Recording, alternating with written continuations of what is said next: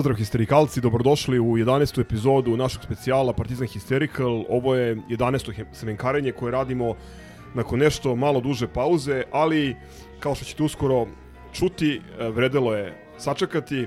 Imamo još jednog izuzetnog gosta koga smo pokušali da pozovemo još pre vremena, međutim nismo uspeli, razumećete zbog čega. Sigurno ste za njega čuli zapravo umeđu vremenu, jer je bio gost brojnih e, masovnih medija, takođe e, Crno-Bela nostalgija je uradila jedan sjajan razgovor sa njim. E, u pitanju je e, Ivica Pezelj, e, po, poznati zagrebački novinar i publicista, e, autor knjige Dok partizan bitke bije, Hrvatski se barjak vije, u podnaslovu narativ sa kojim se još niste suočili. Ovo će biti, nadam se, jedan podcast sa kojim se još niste suočili. Ivice, dobar, dobar dan i dobrodošli. Dobar dan, hvala na pozivu. Prvo da kažem da nam je velika čast što ste nam, što ste nam gost. E, hvala vam na, na tome što ste ovaj, tokom ove kratke posete Beogradu e, našli vremena da se, e, da se vidite sa nama. Pokušat ćemo da kroz razgovor možda otvorimo neke, neke teme ili neka pitanja koje nisu pokrivene ovim drugim intervjuima koji su radili uslovno rečeno ozbiljniji mediji. Za početak, evo ja ću da pročitam samo naslov i nadnaslov prvog teksta koji je, čini mi se, jutarnji list objavio 16.7.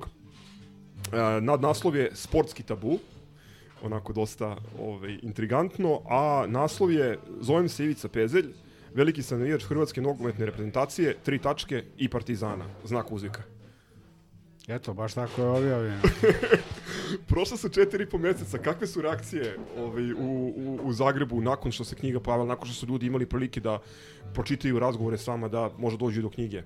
Pa reakcije su uglavnom pozitivne, e, pogotovo u krugu kolega s kojima komuniciram, neki su normalno tražili što prije da knjigu da im dostavim, nabavim i tako dalje.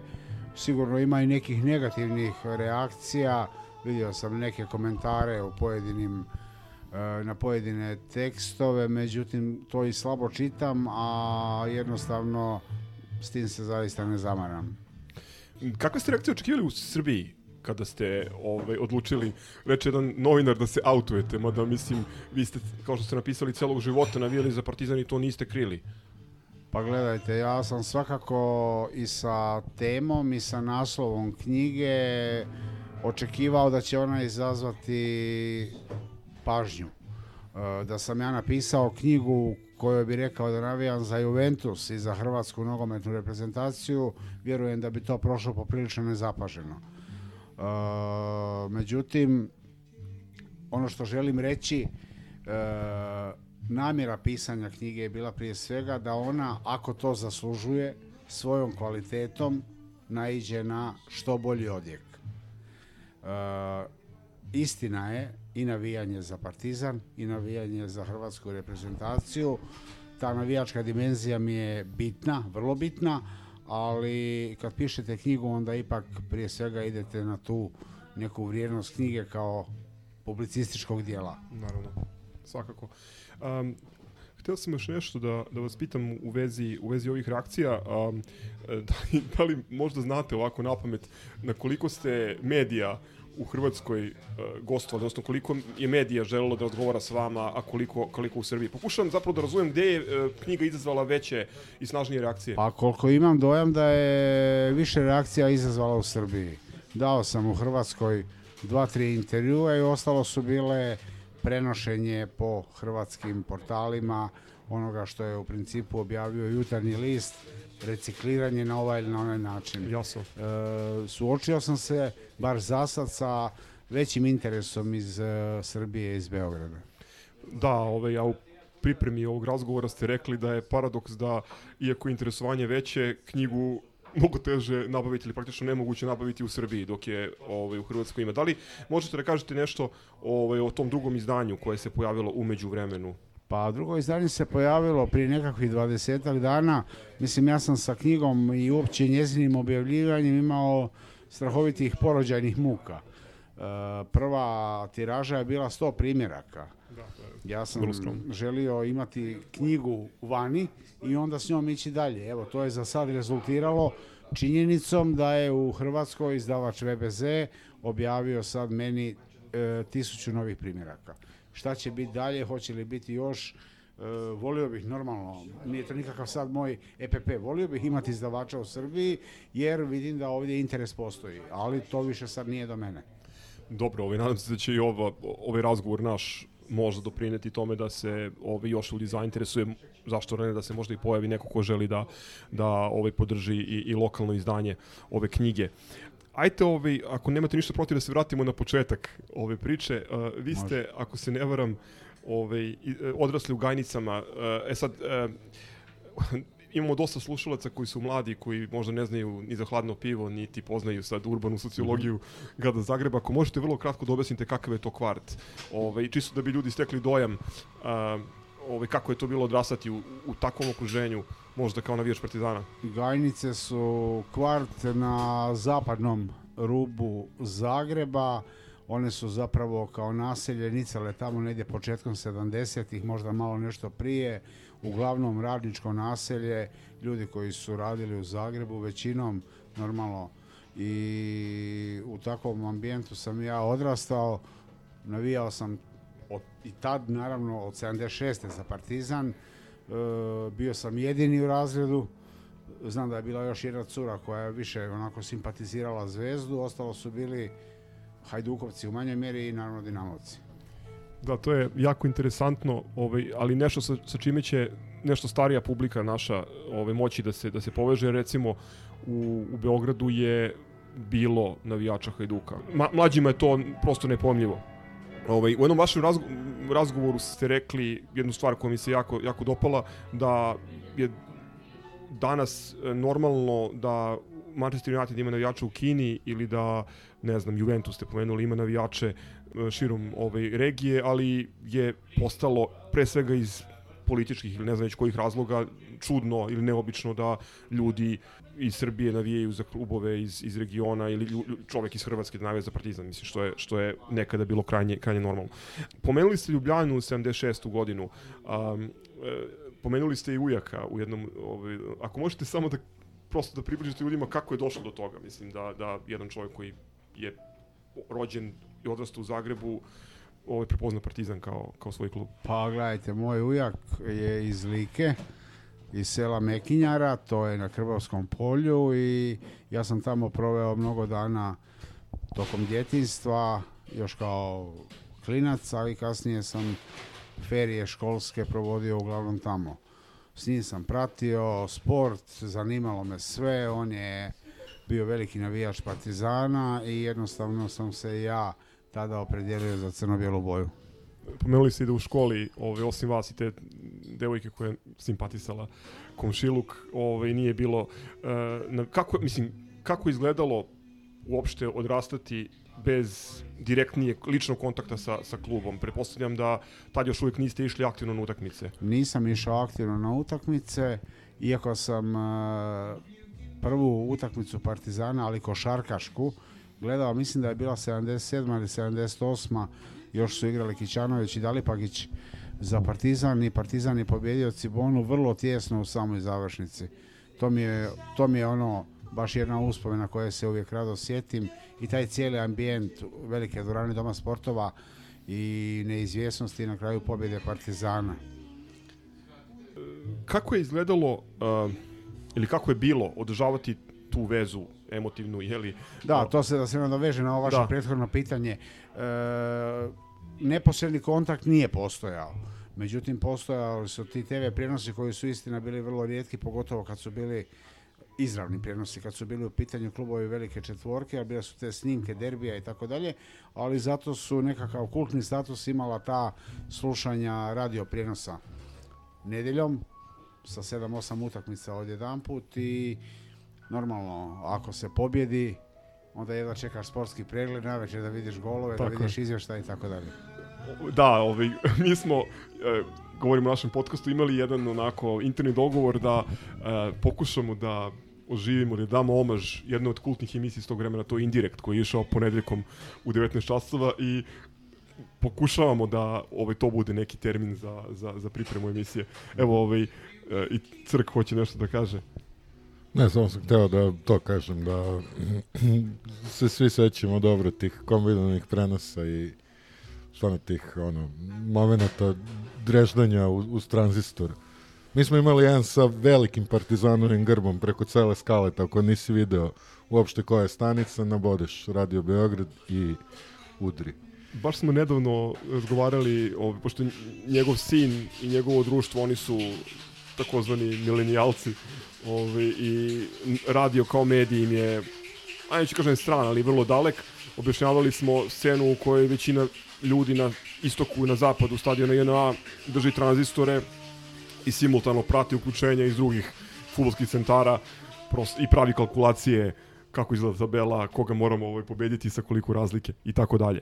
Um, teo sam da vas pitam još nešto Ivice. E, e, vi ste vi ste za hrvatske pojmove vrlo ovaj ozbiljan sportski novine, radili ste za ozbiljne redakcije, opet da pokušam da približim to našim slušalcima, to što ste vi uradili, to je možda bi moglo da se uporedi, možda, e, kada bi recimo Slobodan Šarenac odlučio da izađe u javnost ili na Twitter da kaže da je celog života navio za Cibonu.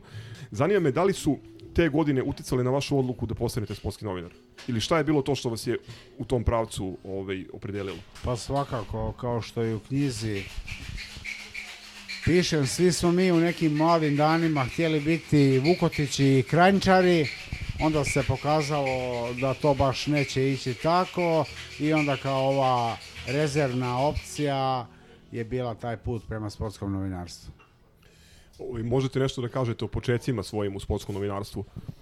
Pa početci su čak vezani za Beograd, iako ne, ne, ne za sportsko novinarstvo, jer sam još 91. u početkom godine surađivao sa listom Vreme ali kasnije sam se prebacio na sportsko novinarstvo. E, najprije sam radio kao zagrebački dopisnik Novog lista iz Rijeke, gdje mi je šef i čovjek koji je mi je dao zapravo pravu priliku bio legendarni riječki novinar Orlando Rivetti. E, nakon godinu i pol sam prešao u sportske novosti, opet zahvaljujući sad isto nažalost pokojnom Darku Tironiju i zapravo je tu u sportskim novostima krenuo taj jedan moj uzlet koji je rezultirao odlaskom na svjetsko prvenstvo u Francusku 1998. godine. Kasnije je još bilo Republika, Glas Slavonije, ali ipak je vrh bio u sportskim novostima. Da, to je jako zanimljivo. Pomenuli ste 98. i e, prvenstvo u Francuskoj. Godinu dana pre toga bili ste i svedok, a, čak ste imali i novinarski zadatak brodoloma koji je nezaobilazna tema razgovora ovaj, na da. liniji Beograd-Zagreb. Mi ne bežimo od ovih teških tema, malo te ne u svakom podcastu pomenemo recimo AZ Alkmar. Ove, a ovaj, ovo smo malo ređe obrađivali. Mislim kad smo, imali smo jedan onaj a, korona lockdown epizodu sa najgorim porazima i to je 0-5 u Zagrebu. U top, od, u top 3. Da, u top 3 definitivno. Kako izgledalo ovaj, ne uzimati izjave od uh, Bjekovića i futbolera koji su žele da pričaju, nego pratiti to sve uživo? Pa meni je bilo eh, vrlo stresno. Uh, utakmica je krenula Tomićevom prilikom, velikom. Lavić je obranio i onda je Dinamova kvaliteta, jer Dinamo je u tom trenutku zaista bio uh, puno kvalitetniji od Partizana, Svakako. što se vidjelo na Beogradskoj utakmici, iako je ona završila 1-0, 1-0 je pobjedio Partizan i krenula je ta serija golova. Onda je bio taj 11 terac kojeg Ukićević nije iskoristio i put u potop je bio otvoren. Jeste, ovaj, ne bih sad napravio, mislim da nije skroz na mestu paralela te utakmice i utakmice sa Gentom koju smo malo čas spomenuli, ali ovaj, sve ide Vujočić dao gol u finiš utakmice sa Gentom, uh, inferiornost Partizana ovaj, je nešto što ne bi moglo da se prenebegne ili ignoriše. Isto tako, prva utakmica protiv Kroacije, odnosno Dinama u Beogradu je uprilike pokazala u kom pravcu se stvari odvijaju. Hrvatska država u tom trenutku bila iza, iza Dinama najdirektnije, a Partizan je prodao šest ili sedam svojih najbitnijih igrača i ušao u tu utakmicu potpuno nespreman. Jel nama beše Goga Obradović bio u napadu jedan od Isilović je kao debitant dao gol. Isilović je dao gol, toga se sećam. Obradović je da. igrao, Obradović da, da, je igrao u Maksimiru Tako Je. Pa eto šta dodati, mislim, Goga Obradović, verovatno. Mada, mada ova šansa Tomićeva, e, s desne strane usam na kameru, još uvek me, me proganja malo ovaj, Ladić Ali onako lepo. Ne, nema to, to sad šta bi bilo kad bi bilo, ne bi bilo, stvarno su mnogo, mnogo kvalitetniji od nas bili u tom momentu i pa, mislim, baš Citanović, trebalo Iluka, bi, Marić, trebalo bi pet tona sreće. I na sve to još povratak prosinečkog. Da, da, to je, to je ovaj. Inače imamo danas mala privatizacija, ovaj, na današnji dan je e, godišnjica jedne velike utakmice e, Partizanove e, protiv Rome 4-2 i istovremeno 25. godišnjica od prve utakmice Saša Ilića uh, protiv borca iz Čačka 10-0 i prva utakmica na kojoj je naš kolega Gogec prvi put gledao Partizan uživo, tako da ovaj, mala, mala privatizacija za, za ovu priliku.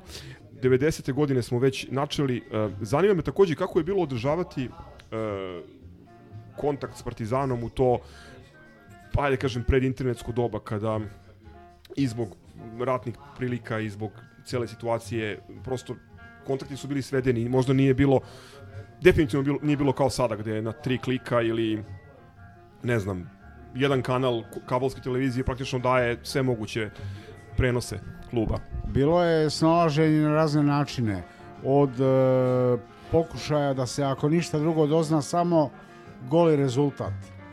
A koristio sam situacije i kako sam poslom putovao, ako bih se našao, ne znam, u Makedoniji, kupio bih tempo, na primjer, pa bi nešto više doznao toga. Ako bi neko koga sam poznavao, dakle sad govorimo već tamo o 97.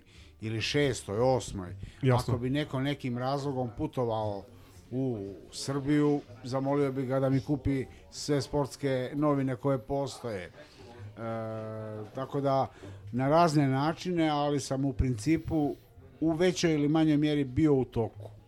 Bio u toku. Kada ste ponovo krenuli ovaj, aktivnije da pratite ili da odlazite na utakmice Partizana? Pa, gledajte, to je prije svega je ta utakmica 97. u Maksimiru, to je bilo tad i evo do dan danas više nije bilo partizanovog gostovanja u Hrvatskoj u, nog, u nogomet. Rijeka. I Rijeka, e, na, e, na utakmici u Rijeci sam bio. Da. I bio sam ovdje u Beogradu na prvoj utakmici da. Partizana i Rijeke i bio sam na Kantridi. Međutim, e, primarno je košarka probila taj led Tako je. i od 2001. E, godine se igra ABA liga ili regionalna ili kako se već zove i u početku čak Partizan od početka nije ni bio u ABA ligi ali kad je počeo Prve dvije, tri godine sam izbjegavao odlaske u Duranu, jednostavno jer sam očekivao da će atmosfera biti onakva kakva mene iritira. A, međutim, malo se to kasnije primirilo i sve veće mjeri se sad primiruje i praktički sam tamo negdje od dvije i pete redovito gledao Partizan i sa i na utakmicama s Cibonom i Cedevitom i Zagrebom dok je još bio ozbiljan klub zavidim vam jako na, na tome što ste verovatno bili prisutni kad je Kecman... Bio sam prisutan u Zagrebačkoj areni. Nažalost nisam vidio taj koš. Jer je bila, bila je situacija, ja sam tad radio za glas Slavonije iz Osijeka kao dopisnik zagrebački. E, utakmica je bila na izmaku i Bojan Bogdanović je pogodio tricu iz kornera. E, prvu trojku od ne znam koliko je. pokušaja. I gotovo, ja sam mislio da je utakmica gotova, ali nešto sam išao zapisati, dignem pogled, vidim Partizanovi igrači slave. Počnem se raspitivati šta je, tamo mi objasne. Čim sam došao kući sam to tražio da vidim na netu i eto, bar tako. Iako mi je bilo jako žao što to nisam vidio uživo, a bio sam tamo.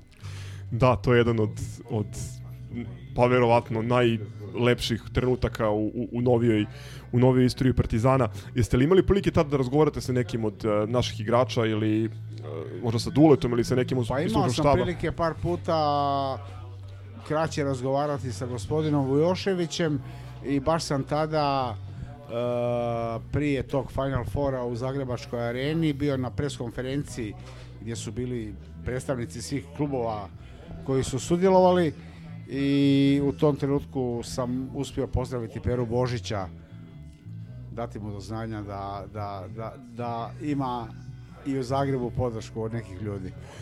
Sjajno. A recite mi, ta podrška u Zagrebu, koliko još ljudi poznajete u Zagrebu koji imaju sklonosti ili koji navijaju za partizan?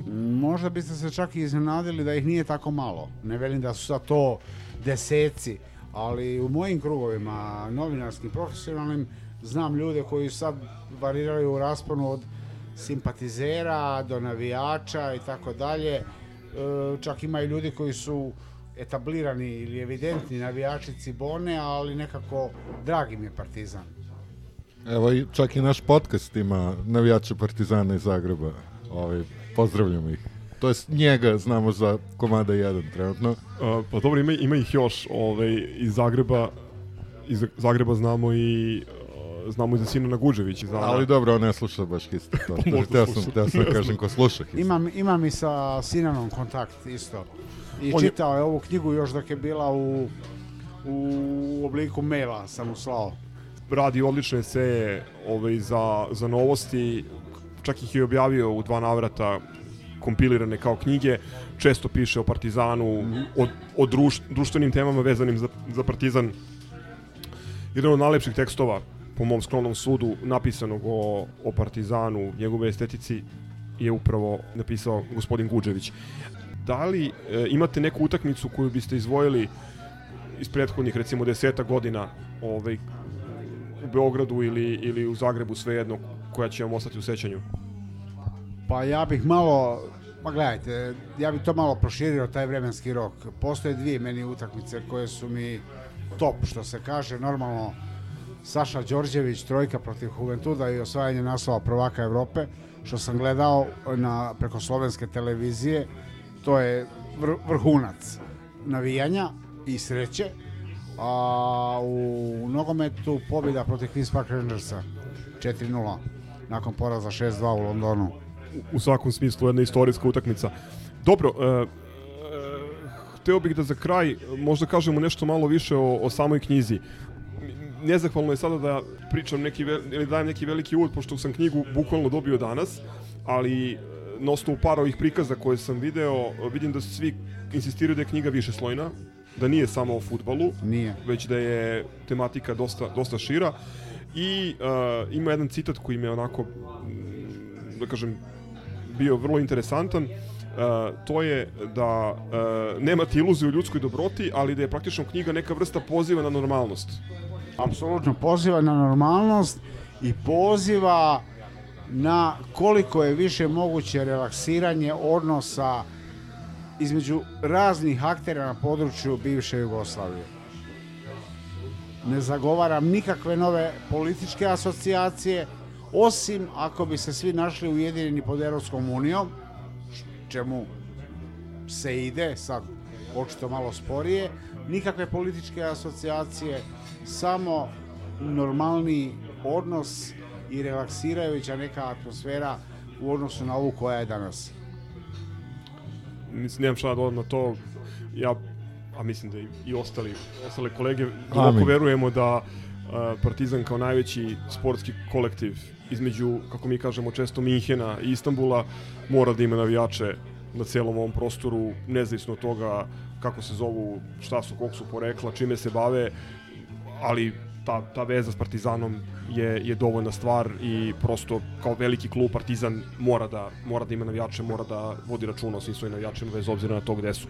Ništa samo za kraj, e, ako možemo još da pomenemo, da li je moguće uopšte nabaviti knjigu u Srbiji u ovom trenutku? E, osim nekim privatnim vezama u ovom trenutku nažalost nemoguće postoji ta opcija s tim da sad ne bih ulazio u u detalje preko VBZ-ove web knjižare, ali sam dobio informaciju da je to dosta da je to dosta nepraktično. Za sad ne znam, ne mogu nešto konkretnije kazati, osim tih privatnih kanala. Evo da se ja uključim, evo čisto možda za kraj pitanje o aktualnoj situaciji. U da kažem, sportskom društvu Partizan. Koliko znam, pratite pre svega futbal i košarku.